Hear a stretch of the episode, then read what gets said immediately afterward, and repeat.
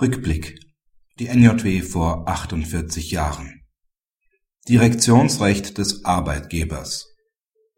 Die aus seinem Direktionsrecht resultierende Weisungsbefugnis des Arbeitgebers erstreckt sich grundsätzlich auf Ort, Zeit, Inhalt und Art und Weise der vom Arbeitnehmer zu erbringenden Leistung.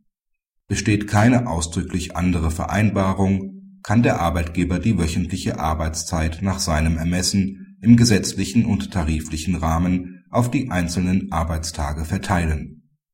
Wollen die Vertragsparteien das Weisungsrecht des Arbeitgebers für die Arbeitszeitverteilung durch eine konstitutive Regelung einschränken, müssen hierfür besondere Anhaltspunkte bestehen.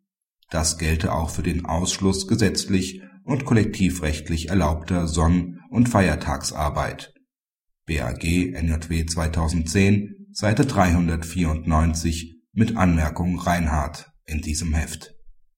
Mit dem Umfang des Direktionsrechts in zeitlicher Hinsicht beschäftigte sich das BAG bereits in der NJW von vor 48 Jahren (NJW 1962, Seite 268), damals die Aufstellung eines Urlaubsplans betreffend.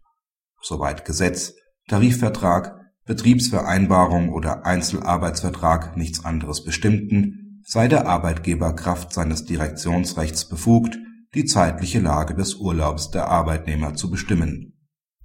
Die Festlegung habe gemäß § 315 Absatz 1 BGB nach billigem Ermessen zu erfolgen.